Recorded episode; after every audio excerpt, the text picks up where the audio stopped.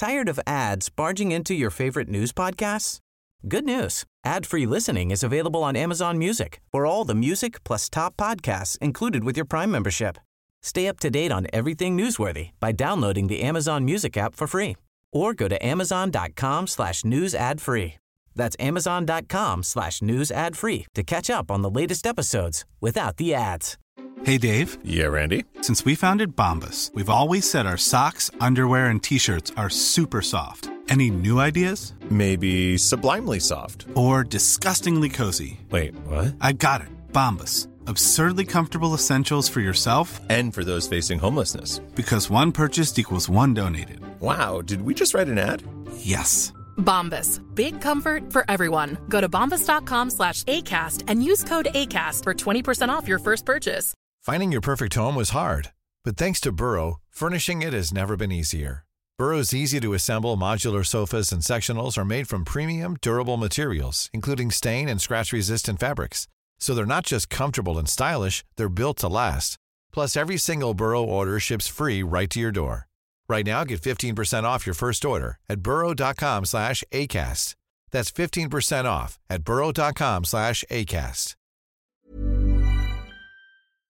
GPT3 har en parameter på 175 milliarder, mens GPT4 annonseres å ha en parameter, antall parametere til 100 eh, billioner eh, størrelse. Altså det er mer enn 1000 ganger så stor som den som er tilgjengelig akkurat nå.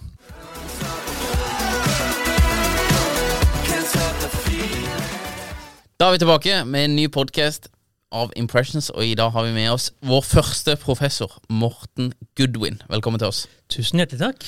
42 år fra Nøtterøy utenfor Tønsberg, og eh, professor på UiA i kunstig intelligens. Du eh, slår meg jo som en eh, type som ser inn i framtida, for du har jo vært eh, Det å være professor i kunstig intelligens nå dette halvåret her, det må jo ha vært eh, en home run, eh, holdt jeg på å si. Du må ha hatt noe å prate om de siste seks månedene. Definitivt. Så jeg har jobbet med kunstig intelligens i 20 år, og de mesteparten av tiden hvor jeg har jobbet med kunstig intelligens, så pleier jeg å låse døra på kontoret, for det var ingen som ville høre meg snakke om det. For det var et eller annet sci-fi-aktig, litt sånn Star Wars-runde på det. Ja. Men de siste fem årene vil jeg si, vil jo alle høre om kunstig intelligens, og det siste halvåret i hvert fall. Ja. Når man ser ChatGPT som er et sånt dataprogram som bruker kunstig intelligens, Dali som et annet, Mm. hvor folk har fått øynene opp på hvilken fantastisk teknologi det har vært. Mm.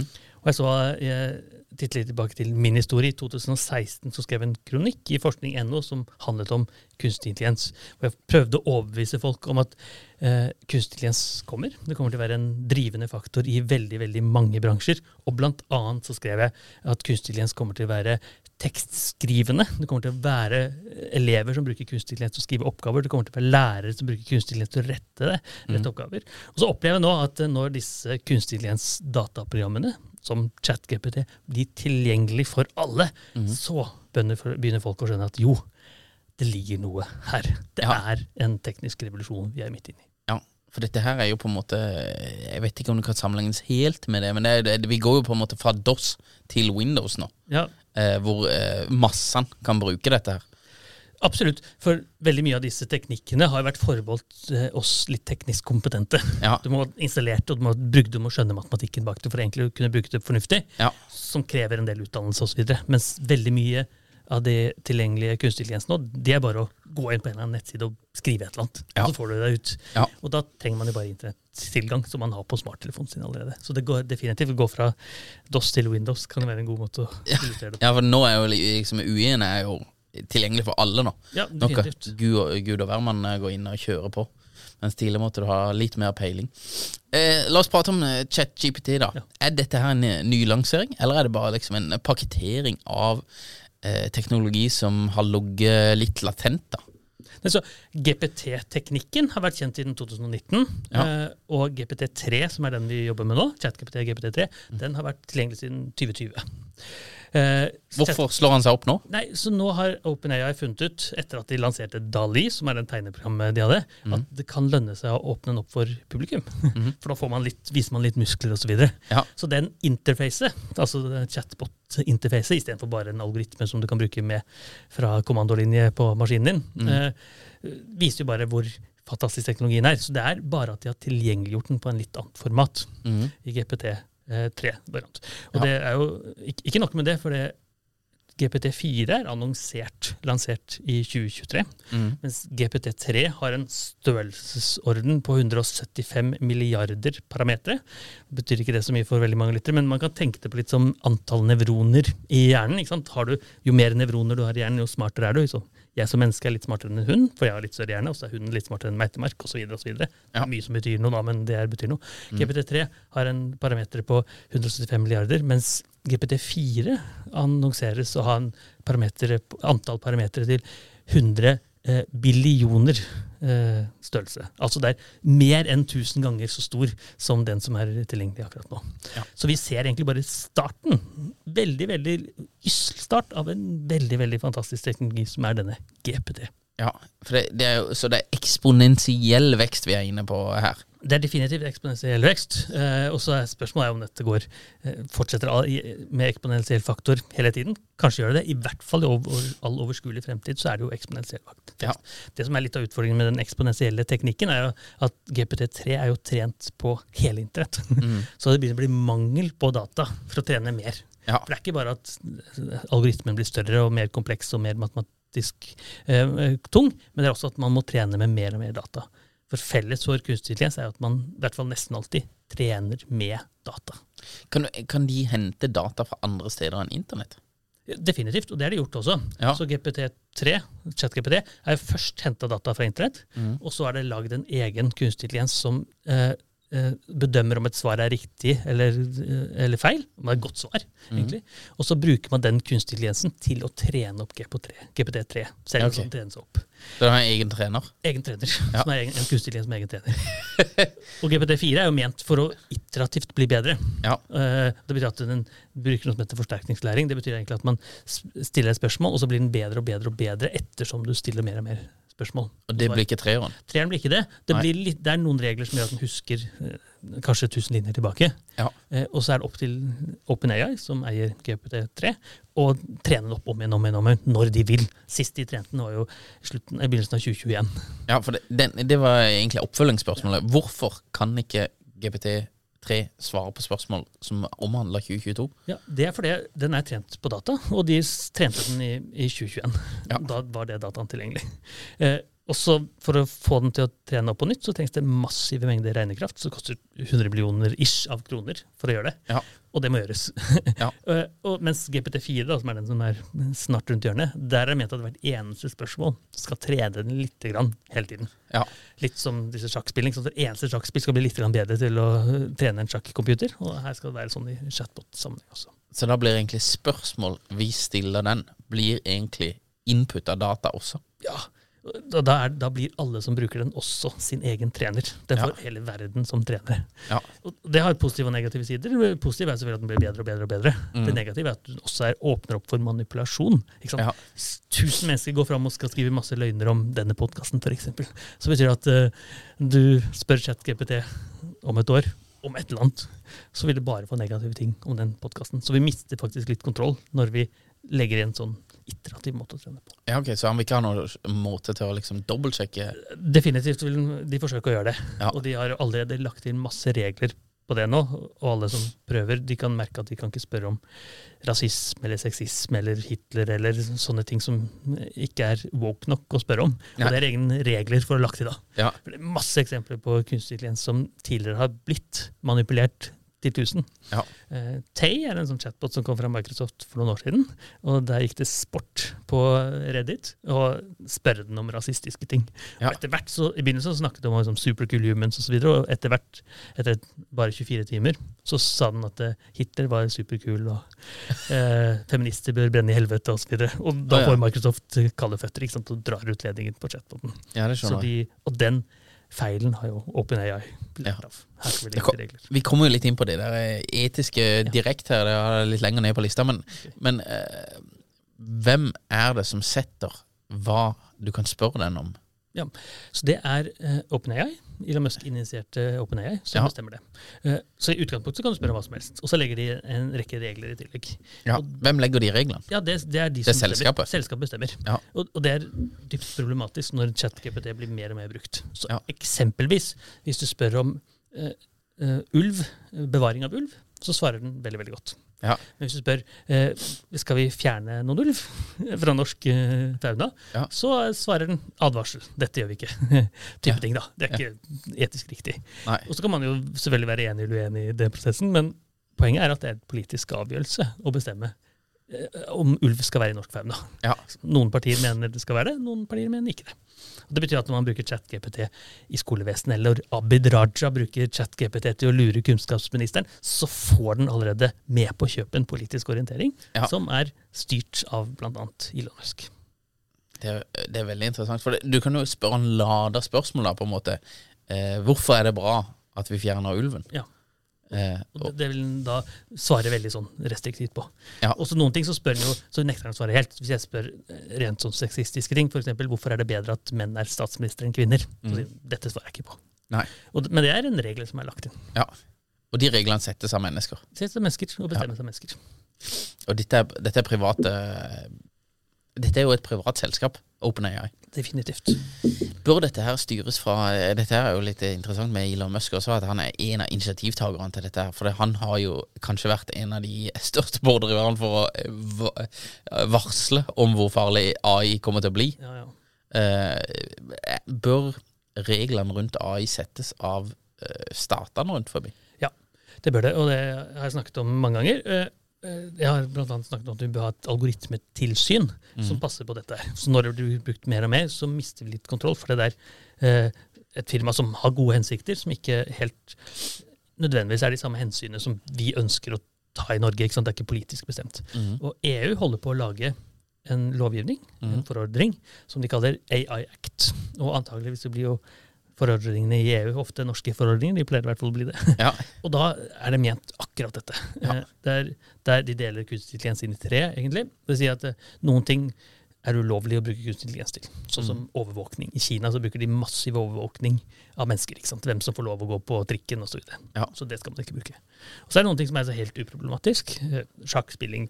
Ja, kjør på å bruke kunstig til sjakk. Har ikke noe problem. og så er det veldig mye som skjer i midten. Ja. Eh, Og der settes det ekstra krav. Hvis det brukes som en del av skolevesenet, f.eks. Ja. Eller bruker av helsevesenet. Og da settes det strenge krav til hva som skal gjøres. Blant annet så bør det være en forklaring på alle avgjørelsene som kommer. Så hvis jeg spør eh, bør vi fjerne noen ulv i Norge, så bør den forklare akkurat hvorfor den kom med den avgjørelsen. Hva er grunnlaget for å få denne meningen, f.eks. Ja. Det er faktisk ganske tricky å få til. Ja. Kan det også lekke på en måte eh, GDPR-data? Hvis du har en kunstig intelligens som eh, opererer det, eller eh, gir en eh, råd om å operere det, Ja. og så spør jeg en kunstig intelligens da, eller samme om du, hva eh, er grunnen til at eh, Morten halter? Ja. Og så forteller han at ja, du var i den og den ulykken og sånn og sånn og sånn. Ja. Det, det er jo på en måte Det må jo være noe mekanismer mekanisme her for å ikke eh, Det burde jo være Morten sin eh, halting kan være Ja, ja. Eller Ja, ja, jeg skjønner spørsmålet. Det er definitivt eh, personvernsutfordringer her. Ja. Så når vi bruker ChatGPT eller de andre robotene, mm. så gir vi jo allerede data til Musk. Han lagrer de dataene allerede. Ja. Så hvis jeg spør de om min helsetilstand, f.eks., mm. så gir jeg allerede veldig sensitive personopplysninger Ja. som, som ikke nødvendigvis eh, Musk burde eie. Det er Nei. veldig tilsvarende å legge det ut på Facebook. Egentlig, ikke sant? Ja. Eh, Mens for Facebook har nå folk lært at der legger man ikke ut personlig informasjon, for du vet ikke helt, mange har lært det da, ikke alle. Ja. Mens her er det litt sånn mer ullent, for det, det er ikke så tydelig at de blir brukt, men de blir definitivt brukt. Ja. Og det betyr jo da at hvis man hadde lasta inn en stor pasientjournal for eksempel, som har masse sensitive opplysninger, Ja. Så er det eh, absolutt eh, ikke i henhold til GDPR Nei. å gjøre dette. Da bruker vi det ikke lovlig. Nei, For det er jo på en måte Jeg ville jo tenkt at ok, vi må ha inn en Vi må ha inn en pasientjournal så han skjønner hva som er historien min. Ja, ja. Men den må allikevel på en måte være i en silo, da. Så den kan ikke lekke. Nettopp. Ja, og, da, og det betyr at hvis man bruker GPT sånn som det er bygd opp nå, så leker den. Ja. Og vi har jo brukt opp uh, kunstig intelligens for pasientjournaler flere steder, og da bruker vi vår egen mekanikk. Ja. Egne teknikker. Veldig likt GPT, men det er jo trent opp på våre egne data osv. Ja. Og da er vi helt sikre på at disse ikke lekker. Så vi har bl.a. brukt det til å uh, på Sørlandet sykehus, hvor vi trekker ut relevant informasjon fra pasientjournaler. Så type allergi uh, fra en sånn gigantisk pasientjournal? Ja. Som en lege burde lese, men som er veldig vanskelig i praksis. Men hvis du trekker ut sammendraget, så er det kjempenyttig for legen. Mm.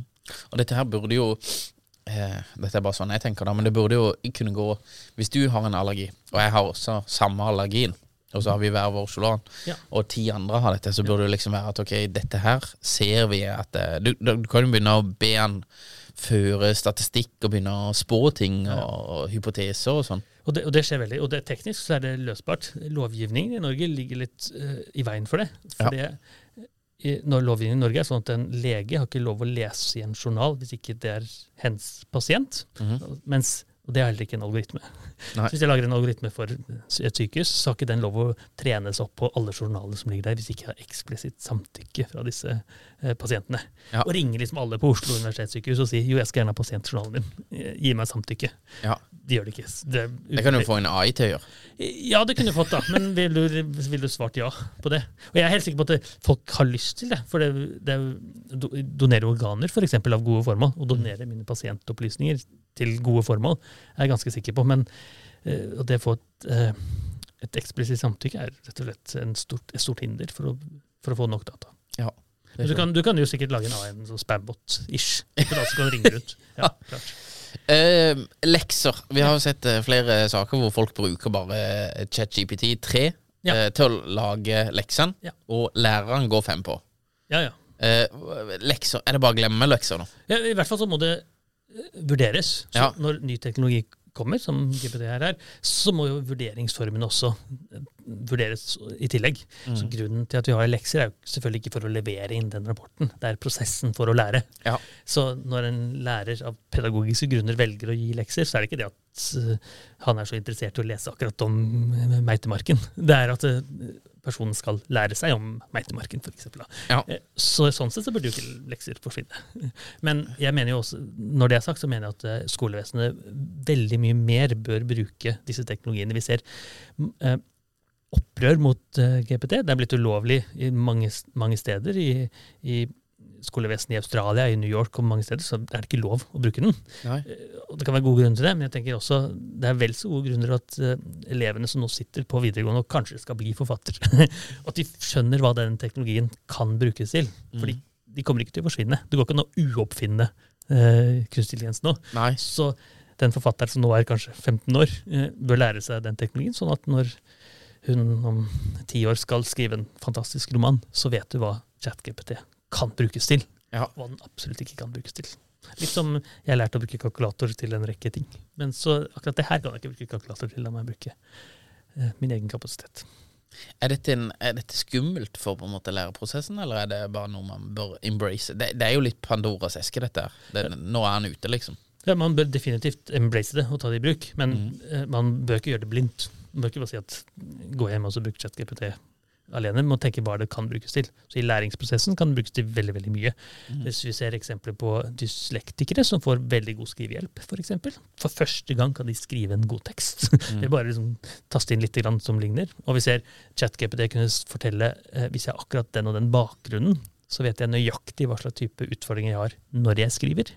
Jeg kan få disposisjoner til, eh, til tekster. Jeg kan få motargumenter til min egen tekst, og veldig veldig mye som kan brukes til pedagogisk riktig. Og når du da sier at ja, ja, det er en utfordring når det brukes til juks, ja, definitivt. Men det er også en enorm fordel til hele skolevesenet. Sånn som Hvis du er lærer, på en måte, og, hvordan skal du forholde deg til dette her? Skal du prøve å liksom få eh, rektoren og Vi må lage noen retningslinjer for skolen her, eller skal du bare For det, det er jo nesten umulig å oppdage dette. Ja, ja, Det er veldig veldig vanskelig å oppdage. Også, Det er egne sånn, kunstig intelligens som skal oppdage juks, men de er også ikke så gode. Og så fins det- egne kunstig klienter som skriver om det som kommer fra ChatGPT, Ja. sånn at det lurer juksesystemet. Ja, ja. Så I praksis umulig å oppdage, egentlig. Nei, så jeg tenker Det er en forskjell på kort og lang sikt. På kort sikt så bør man jo ha egne retningslinjer. Så i dette faget så bør man ikke bruke det, i dette faget så kan man bruke det. Så en en som begynner på barneskolen, bør ikke bruke ChatGPT før han lærer seg alfabetet, f.eks. Det er eh, naturlig nok. Ja. Mens jeg tenker vel så mye er dette er teknologi. Det er som å gå fra skrivemaskin til Word. Du Ja. kan ikke sitte på skrivemaskin, og du, det fins et teknologiverktøy som kan hjelpe deg veldig godt. Ja. Og her er bare neste steg av det. Det er bare mange hestehoder foran. Ja, det er veldig, veldig interessant. da. Finnes det andre Jeg hadde en annen som prata om eh, AI her også. Ja. Han mente at uh, Google sitter på uh, veldig mye av det samme, bare at de har holdt det tilbake Ja. uh, på grunn av at eh, eh, på grunn av at egentlig, egentlig så bryter det litt med hele businessmodellen deres også. Mm. Eh, og han hadde en eh, det var, hva han sa at eh, Google det er som å gå inn på et eh, bibliotek og spørre bibliotekaren hva er eh, Hvor forteller de om andre verdenskrig? Ja. Så sier hun det, hylle der og der, går liksom det. Så går du inn der, Mens mens ChatGPT er at du går inn og så spør du bibliotekaren kan du fortelle meg om andre verdenskrig, og så begynner hun bare å fortelle det. God analogi. Ja. Eh, nei, så En av grunnene til at ChatGPT kom ut nå, det var jo at Google kom ut med sin Lambda, som er en tilsvarende chatbot. Ja. Det var bare mer lukka. Ja. Eh, og så fikk Google veldig, mye oppmerksomhet for den. tenkte OpenAI at vi har også den teknologien. Og så åpnet de, Men de åpna den mye mer, da. Ja. Eh, og så fikk den enda mye mer oppmerksomhet. Så det er liksom teknologikappløp. Minner om USA og Russland som prøvde å komme seg til månen. ikke sant? Russland kom med Sputnik, og så kom eh, USA til månen noen år etterpå. Mm. Nå er det ChatGPD som har sendt opp Sputnik, kan vi si. Og så sitter Google og tenker hvordan skal de jobbe med dette. Ja. Teknologien ligger der. De hadde noe som heter Galactica, som er en litt sånn åpen variant av sin chatbot, som er ment litt mer Det gir litt mer retning. Du kan spørre om sånn vitenskapelige spørsmål og sånne type ting. Mm. Men det fjernet de, for den var, var ikke så sikker. For det er en av de tingene vi merker med det er at den, det er jo litt som en lystløgner. Så hvis Ja. du spør om andre verdenskrig, så kan du få faktisk informasjon som stemmer. Men du får også vel så ofte ting som bare er sånn halvsannheter, Ja. tullball, som, var- som er funnet et eller annet på internett. Ja, for det, det, det er jo liksom Hvis han tar hele internett, så har du Du grabber jo med deg veldig mange konspirasjonsteorier også. Så bare ja, dette kan kanskje stemme, og, og mange konspirasjonsteorier har jo fått vind i seilene, og noen av de jo, eh, viser seg å være et, et halvriktige også, men mange av de er jo Det er jo eh, oppspinn, liksom. Og da vil han jo kanskje Men det, det For jeg har, prøvd, jeg har lekt meg en del med det, og jeg merker det at hvis du lader spørsmålene, Ja. så liksom Så svarer han opp litt sånn der eh, Jeg spurte han om hvorfor Joe Biden var så søvnig. Ja, nettopp. Ikke sant? Og da svarer han sånn ja, det er på grunn av at han er gammel, og det var litt sånn og sånn og sånn, og det kunne være flere grunner til det, og liksom Så er det sånn der eh, jeg kunne, Hvis jeg hadde spurt hvorfor er Joe Biden så pigg, Ja, ja. og liksom eh, Hvorfor har han vært Eller du du, du, du kan lede han litt, da, Ja. og han biter litt på. Ja. Og det er litt sånn der eh, Hvis han da på en måte sourcer fra konspirasjonsteorier, Nettopp. så kan du egentlig sende han ut på en Tired of ads barging into your favorite news podcasts? Good news. Ad-free listening is available on Amazon Music for all the music plus top podcasts included with your Prime membership. Stay up to date on everything newsworthy by downloading the Amazon Music app for free or go to amazon.com slash news ad free.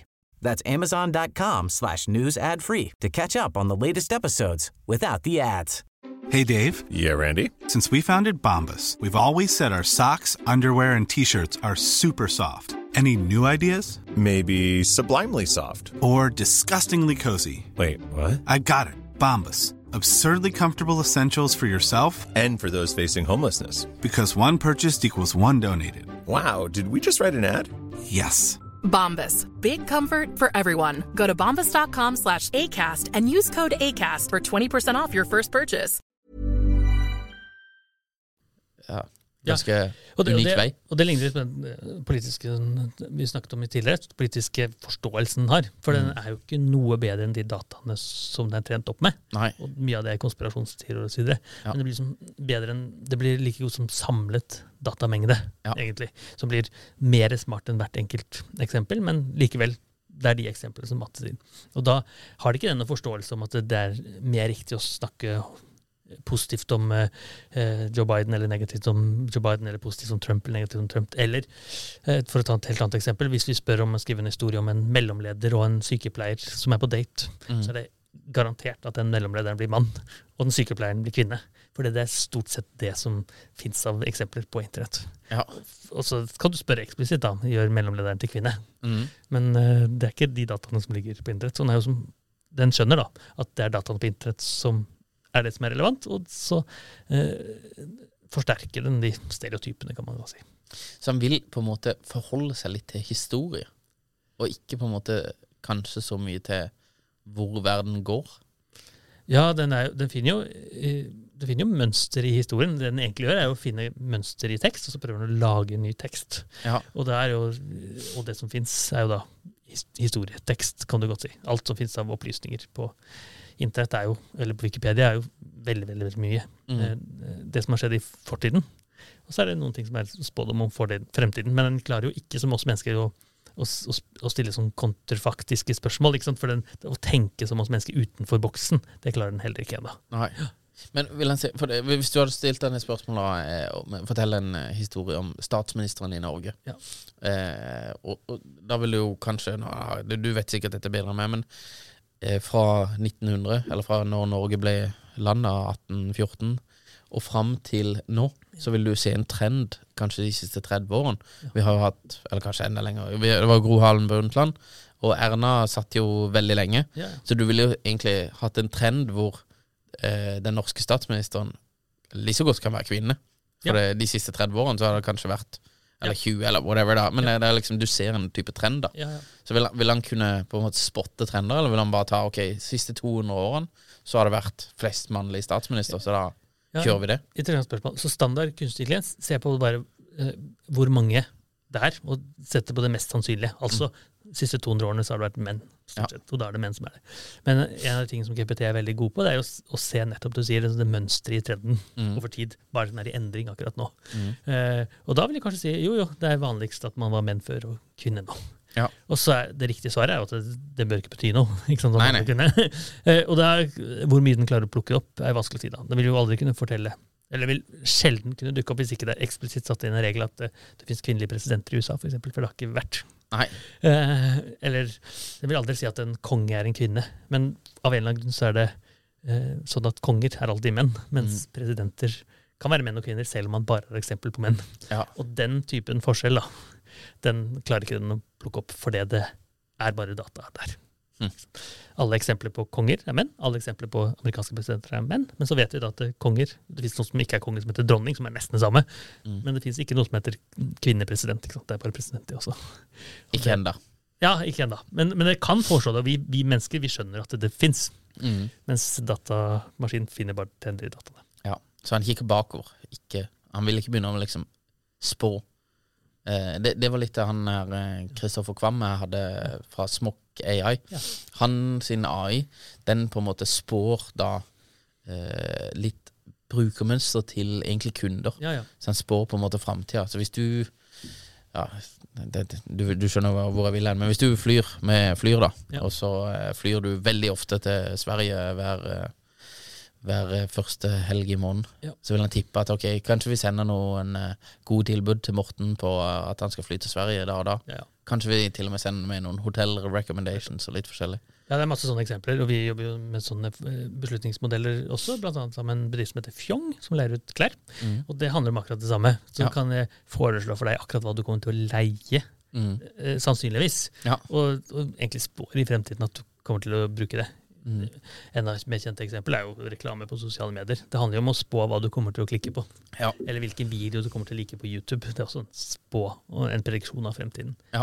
Eller aksjemarkedet. Det er så myriader av algoritmer som spår inn i Mm. fremtiden. Noen av de funker, noen funker ikke så godt, men stort sett så er det jo veldig veldig ok, da, disse metodene. Men sånn som aksjemarkedet, da. det- En, en eh, bot som spår det, det er jo et nullsumsgame. Ja, ja. Eller egentlig et minusumsgame pga. kurtasje. Ja. Men det er jo, skal du vinne i aksjemarkedet, så må du egentlig ta penger fra noen andre. Så du må, Ja, det er noen andre som taper på det. Ja, ja. Og, og der er det jo Det vil jo være mm, Det vil jo egentlig bare være de, de som har den beste spådommen, på en måte. Ja. Og vi ser, vi ser algoritmene som, som er, fungerer godt. De spår kort, kort tid fram. Ja. Eh, men sånne lange spådommer, det klarer de veldig, veldig dårlig. Mm. Så at uh, Musk røyket marihuana på, på Joe Rogan, eksempel, som fikk Tesla-aksjene til å stupe, det klarte ikke kunstig å spå. Nei. Det ligger der. Men, men så sånn, eh, korte spådommer ser vi at disse kunstig er veldig, veldig, veldig gode på. Mm. Og til og med eksempel noe som heter Flash Crash, hvor kunstig mange kunstig var på en, kanskje det var New York-børsen, en annen børs i hvert fall, eh, og gjorde aksjehandler. Og så bestemte én seg for at nå er det på tide å selge. De tror aksjene faller. Og så plukket alle de andre algoritmene opp. Jo, nå faller aksjene, vi selger. Og så solgte alle sammen, og så krasja hele, eh, hele systemet. Og milliarder av kroner eller dollar bare forsvant. Ja. Utover bare én algoritme som bestemte seg. Og så blir det en kollektiv intelligens, da, eller uintelligens i det tilfellet. Ja. Så vi mister jo kontrollen akkurat her også. Ja, for det, det, det, aksjemarkedet også er jo, det er jo en litt, litt, litt uh, interessant beist, for det er også eh, styrt av veldig mye psykologi. Ja, ja. Det ja, riktig. Ja, Så, så det, blir jo, blir, det vil jo være selvforsterkende. nettopp. Hvis ingen tror at det, det skal ned, så ja. gå. Men hvis da Ja. Nei, det, det er veldig interessant, eh, det der. Eh, eh, Elon Musk, eh, apropos eh, kursene, eller aksjekursen til Tesla, sånn, han mener jo at eh, disse bilene kommer til å kjøre helt selv etter hvert. Ja, ja. Det, mener, det er det jo noen som mener nå, at det kommer aldri til å skje. Og det er en av grunnene til at aksjekursen er prisa så sinnssykt høyt. Nå er ikke dette en aksjepod, men det er likevel interessant å se litt i framtida. Tror du at det kommer til å skje? og Tror du de kommer til å være bedre enn mennesker til å kjøre, eller er det fake news hele greia her? Ja, så det har vist seg at det å kjøre bil automatisk er noe som eh, man spådde ville skje for en stund siden, men så viste det seg å være vanskeligere enn man trodde. Ja. Eh, men eh, og, og det er jo også Musk sier at han trodde det var enklere Mm. for fem år siden enn han tror det er i dag. Ja. Men jeg er helt overbevist om at eh, selvkjørende biler er på vei inn. Det er ikke så lenge siden Google kom med en ny selvkjørende bil, riktignok en radiostyrt bil, men allikevel bil, som kjører helt enormt godt. Kjempe, kjempebra. Eh, og så er det forskjellige stadier av disse selvkjørende. Eh, og det vi kaller stadie fem, det er sånn fullt autonomt selvkjørende. Jeg kan sette meg inn i bilen og si jeg skal hjem. Så lukker jeg øynene eller leser en bok eller noe sånt på veien hjem. Ja. Eh, mens, og det er nok ganske lenge til, kanskje. Men Hva, og hvor lenge snakker vi da? ja, i hvert fall mer enn fem år. I hvert fall mer enn fem år? Ja, tror jeg. Ok, Så du skal være litt tålmodig hvis du sitter i Tesla-aksjen? Ja, det kan du gjøre. Men fem år er ikke så lenge, egentlig, så det tenker jeg det er ok. Ja. mens, mens stadig fire, da, som er altså du må av og til inn og hjelpe lite grann. ja. Ja, Men der er vi jo nesten allerede. Nesten. Eller at du kan si at i kontrollerte områder Ja. så er det selvkjørende. Ja. Altså, det betyr at jeg, Hvis jeg bare kjører i Oslo, eksempel, som antakeligvis er godt, eh, vil bli godt kartlagt av Tesla, Mm. så er den selvkjørende. Ja. Eh, eller hvis jeg bare kjører i Arendal, hvor jeg bor, eh, der vil den være selvkjørende. Men hvis jeg kjører opp til hytta, da, som ikke er, kan være litt snø osv., da må du koble deg inn. Ja. For de aller fleste formål så vil jo kategori fire være mer enn godt nok. For da er det sånn sånn bling. Eh, akkurat her vil jeg at du skal ta håndapparatet. Ja. Eh, Det betyr ikke at du kan ikke drikke så mye øl på veien, og sånt, som du kan med kategori 5, men du kan Nei. allikevel da lese en bok helt til det sier pling. Nå må Ja. du ta over. Eller nå kjører jeg til sida, for nå er det på din tur å kjøre. Ja. Og det tror jeg er mye kortere, kanskje. Et par år. Et par år. Ja, til det kommer. Det er jo litt interessant eh, å se også, for det, det er jo Du har jo sånn motorveikjøring. Jeg har en bil nå, og den har sånn her eh, det, det, det er ikke en Tesla engang, så de sier at Teslaen er sikkert er mye bedre på dette. Men den styrer jo, og så den holder seg i linja. Ja, ja. Men den her funker jo eh, desidert best på motorveien på E18, Ja, ja. liksom. Ja. Men da, da kjører han egentlig selv, og så bare henger han på bilen foran, da. Men han vet jo ikke hvor jeg skal, eller sånn. Sånn en dum eh, En dum autopilot. Ja, ja, nettopp. Men GPS-en din vet det, ikke sant. Så er bare å koble de to sammen, Ja. egentlig, da. Ja. Eller Google Maps vet allerede hvor du skal, for du trykker inn, ikke sant. Ja. Så den teknologien fins jo, den er bare ikke koblet sammen på en Så selvkjørende biler kommer. Ja, utvilsomt. Ja. Så du ville anbefalt å kjøpe en Tesla?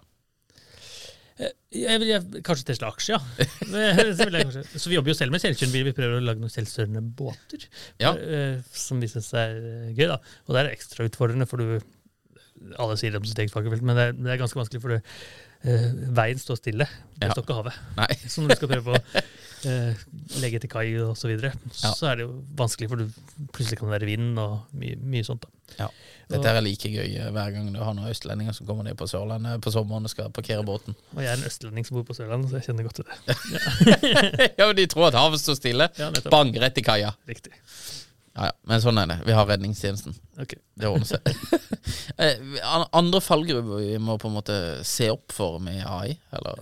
Det er en rekke fallgruver, og vi har snakket litt om diskriminering og sånt allerede. Det er en stor fallgruve, men jeg tror også en stor fallgruve er at veldig mye av den teknologien drives av noen få. Eh, Meta, Facebook, Google og OpenAI er de tre store, som er egentlig de som driver hele kunstig intelligens-fagfeltet. Og så er det IBM og Microsoft som prøver å henge seg med.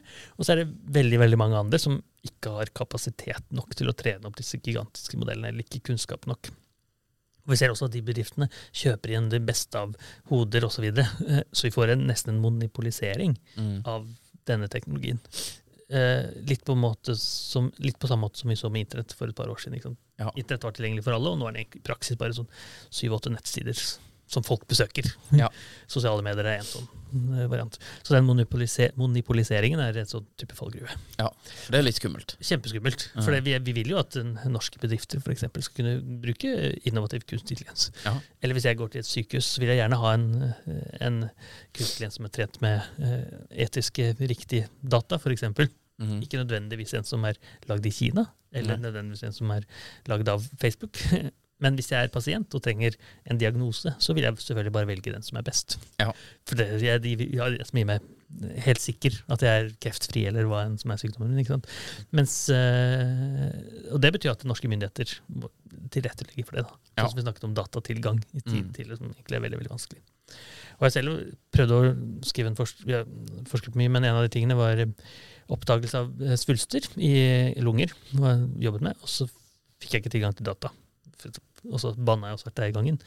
Og så forteller en, en av mine kollegaer fra Kina at jo, jo, vi har masse data.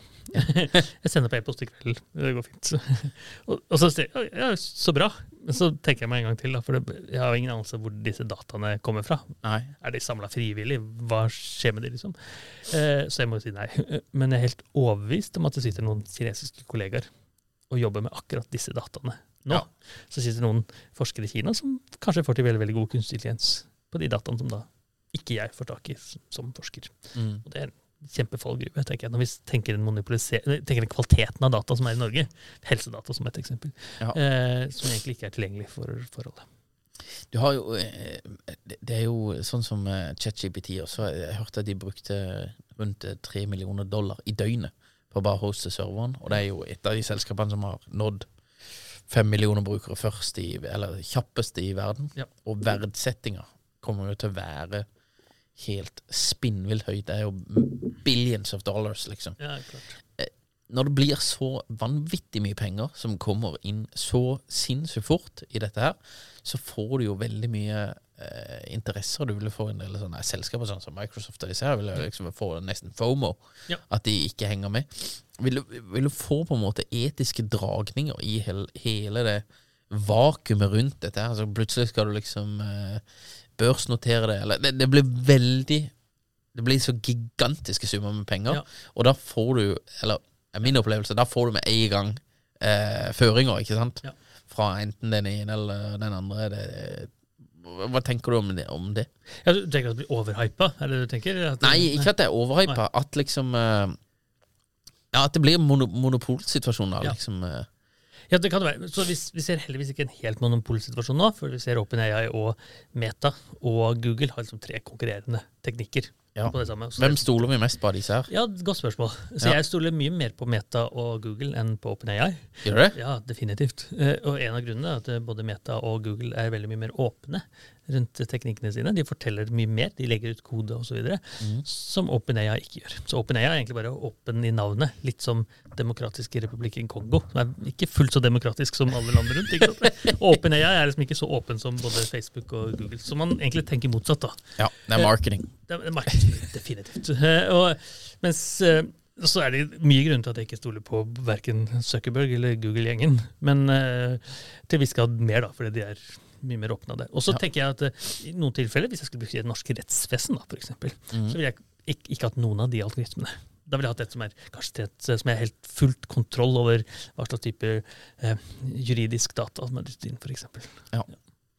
Så egentlig så er det optimale det at vi hadde på en måte bygd en egen variant i Norge. Ja. Ja. Og det, og det syns jeg vi absolutt eh, skal gjøre også. At myndigheten da setter til, om det skal være statlig eller hvordan det skal være, vet jeg ikke, men at det er tilgjengelig både de dataene som trengs. og Norge er jo den grønneste datakraften som fins. Ja. At du bruker noe av det til å trene opp. Og eh, open source det. Gjør det tilgjengelig for, eh, for veldig, veldig mange. Ja. Det kunne vært en Som forsker så setter jeg det som en veldig høy prioritet. Ja, Skjønner. Nei, det, det er jo interessant, dette her med Nei, jeg hadde en annen, det var jo tidligere, da, men han sa det at, eh, Han sa det at hvis du ikke betaler for noe og Det er jo for så vidt sant, men hvis du ikke betaler for ChatGPT eller for Facebook, eller noe sånt her, så er det du som er produktet. Ja. Så de tjener penger på en annen måte på det, da. Ja, ja, definitivt. Eller eh, sagt, jeg pleier å si det på en annen måte. Du, du, du betaler med dataene dine, for Ja. data er blitt den nye valutaen. Ja. Et eksempel på det er jo Gmail, som har vært tilgjengelig i 20 år eller noe sånt. Da e-posttjenesten kom, Mm. eh, så var den gratis. Mens alle andre e-postkontoer kosta fem dollar eller sånt. Mm. Mens de samler data, og nå er det de brukt til kunstig intelligens-algoritmene. Alle de e-postene du har. Tror du de tenkte det når de lau- launcha det? Ja, det er er grunnen til at de launchet det. Ja. Helt sikkert. Uh, utvilsomt. Uh, fordi de visste hvilken kraft det er i datalagringen. Uh, det er ikke noen grunn, annen grunn til at de ga ut den gratis. Eh, og samme gjelder det hadde noe som heter er 411 i USA, som er opplysningstjenesten. Du fikk da Google 411, som var gratis. Opplysningen i USA koster formue, men ble mye brukt. Ringer du gratis en robot, og så får du svar. Og så er samla de dataene. Det er da stemmegjenkjenningen på Android-telefonene i dag. For at du gir fra deg data. Ah, ok. Fiff. All right. Hvis du var en ung up and coming fyr Ja. som fikk med deg at dette, dette her eh, ChatGPT og AI-greiene ble launcha nå, Ja. og du skulle tjent masse penger på kort tid, hva ville du gjort? Oi, godt spørsmål. Eh, Nei, jeg tror at det er myriade av ting som man kan bruke kunstig les på. Jeg tror en av de store områdene som kommer til å endre seg veldig, er innen helse. Eh, diagnostikk eller behandling, eller mikroroboter som eh, vi klarer å få kunstig lens på nå, som kanskje beveger seg inn i blodårene og setter medisinen på riktig sted. Sånn, Den type ting. tror jeg kommer til å være enorm forskjell om bare noen få år. Og de som lager de beste helsealgoritmene nå, de kommer til å være eh, konger i helsevesenet om noen få år. Ja. Så hvis jeg hadde vært, eh, Og jeg jobber mye med helse, men hvis jeg og har en egen bedrift på det også, men jeg tror nok det er et av de områdene vi kommer til å se størst endring. Ja. Takket være disse kunstig intelligens-teknikkene. Spennende. Spennende, spennende. Hvor går veien videre? Nå er det ChatGPT 4 Ja. som kommer i 2023. Ja. Tror du den blir gratis? Jeg, jeg tror den blir like gratis som uh, ChatGPT3. Ja. eh, at du betaler med dataene. Ja. Eh, og så tror jeg det kommer til å være På en eller annen måte må de jo tjene penger også. Ja. Eh, de, jeg vet de har begynt samarbeid med Microsoft med å levere, levere som en del av Teams antageligvis, og Bing søkemotoren og litt andre steder. Ja. Så de får nok antageligvis en del av Microsoft-pengene inn. Eh, og så vet jeg at noen andre tjenester har betalt per request, noen få sendt eller noe sånt, Mm. for å svare. Så OpenAI hadde jo en sånn OpenAI Playground for et halvt år siden, som litt, var litt det samme, men det kosta bare noen cent per request. Og, men folk Det er en terskel da for å betale disse centene. Ja. Legge inn kredittkortet ditt. Mens den er helt åpen, så er det mye bedre. Ja. så hvordan de tjener penger, det vet jeg ikke. Jeg tror det er et av de minste problemene. Så deres ambisjon selv er jo at de skal lage en superintelligens. Altså det betyr en intelligens som er mer smart enn oss mennesker, og så spørre den. Mm. Hvordan tjener vi penger? Og så gjøre det. Det er hele målet deres. Ja, ja det, det er jo det som liksom blir på en måte steget videre, da. At eh, ja, ok, hvis jeg kan si til en kunstig intelligens på sikt, driv et mediebyrå, Ja, ja. og så gjør han det. så gjør han det. Så går jeg hjem og legger meg. Eller spiller bowling. Ja, ja. Og så jeg tror, jeg tror Bare å spørre drive et mediebyrå, det tror jeg i hvert fall veldig veldig lenge til, men å få ganske mye hjelp da, til alle de tingene som man gjør i et mediebyrå. Mm. Transkribere podkasten, jeg vet ikke om du gjør det typiske eksempel som gjøre. begynne med det. Ja, det, kan, det fins teknikker som gjør det veldig veldig godt i dag. Mm. Eller automatisere stemmen, eller fjerne de små hostene som var innimellom her. Det er ting som kunstig intelligens allerede i dag kan gjøre. Så Ja. veldig veldig mye av de tingene kom opp med ideer, kom opp med spørsmål til denne podkasten, f.eks. Det kan gjøres allerede i dag. Ja, halvparten av disse er fra ChatGPT. Ja, nettopp. Så det, Da gjør det allerede. Ja. men, da, men da bruker du teknikken riktig, da, for da tenker du at det, det skal ikke erstatte hele prosessen, men det kan kanskje dytte deg litt i rette retning, sånn at du kan kanskje intervjue enda flere podkast. ja. Nei, det det vi, vi, vi leker oss jo litt med det. Så vi skriver noen bloggposter og sånn her. Og vi er jo eh, Han er ikke god nok ennå, iallfall ChatGPT. Men, men si du kommer 70% av veien, da, Ja, det er akkurat det. så, så er det jo mye hjelp, da. Riktig. Og det er litt som veldig mange har opplevd med Google Translate lenge. ikke sant? Ja. Skal oversette fra engelsk til norsk, så kan vi bruke det, og så må jeg rydde opp etterpå. Ja. Og det kan vi bruke GPT til også. Ja. Nei, veldig interessant. Du har iallfall vært eh, Du har vært veldig i riktig eh, riktig bane ved å være professor i UiA. Nei, eh, professor i kunstig intelligens. er. Du har iallfall eh, vedda på riktig hest her, med nå å bli eh, riktig professor i, holdt jeg på å si. Ikke at det er noe galt å være professor i noe annet, men dette her er iallfall et område som er veldig spennende å følge med på videre. da. Ja, det er jeg enig i, i hvert fall. Ja. ja, Enig i det. Nei, men eh, Morten, utrolig eh, trivelig å ha deg med. Hvor, hvor er det best å følge med på det du holder på med, og, og sånn? LinkedIn? Ja, ja, Hvis du skal er- følge litt med på det du uh, mener og driver med. Ja, altså, LinkedIn er jo et, et sted. Ja. Et- Så der får du bare uh, glansbildene av det, tenker jeg. Det er veldig Mye av det jeg følger med på, er inn på Reddit. Der er det veldig mye litt sånn nerdete. Ja. Men jeg har en egen podkast, Game Over, som handler om kunstig intelligens og bare det. Ja, kult. Jeg har en bok som heter Myten om maskinene, der eh, hvor jeg snakker om kunstig intelligens. Den er riktignok to år gammel, men den snakker om GPT, hva som ligger bak det, f.eks. Ja, Der er det ligger mye. Veldig kult. Eh, Du er ikke aktiv på Instagram eller Snapchat? Eller? Ja, Instagram Snapchat er ikke- jeg ikke, men jeg er på Twitter. Henger Du er på Twitter? Ja, ja. Morten Goodwin? Ja. At Morten Goodwin, tror jeg. Et Morten Goodwin. ja, men det er veldig bra. Morten, tusen takk for at du kom. Veldig interessant. Og eh, lykke til videre med både helseselskapene dine og eh, professorstillinger. Tusen takk. Takk. Tired of ads barging into your favorite news podcasts? Good news. Ad-free listening is available on Amazon Music for all the music plus top podcasts included with your Prime membership. Stay up to date on everything newsworthy by downloading the Amazon Music app for free or go to amazon.com slash news ad free. That's amazon.com slash news ad free to catch up on the latest episodes without the ads.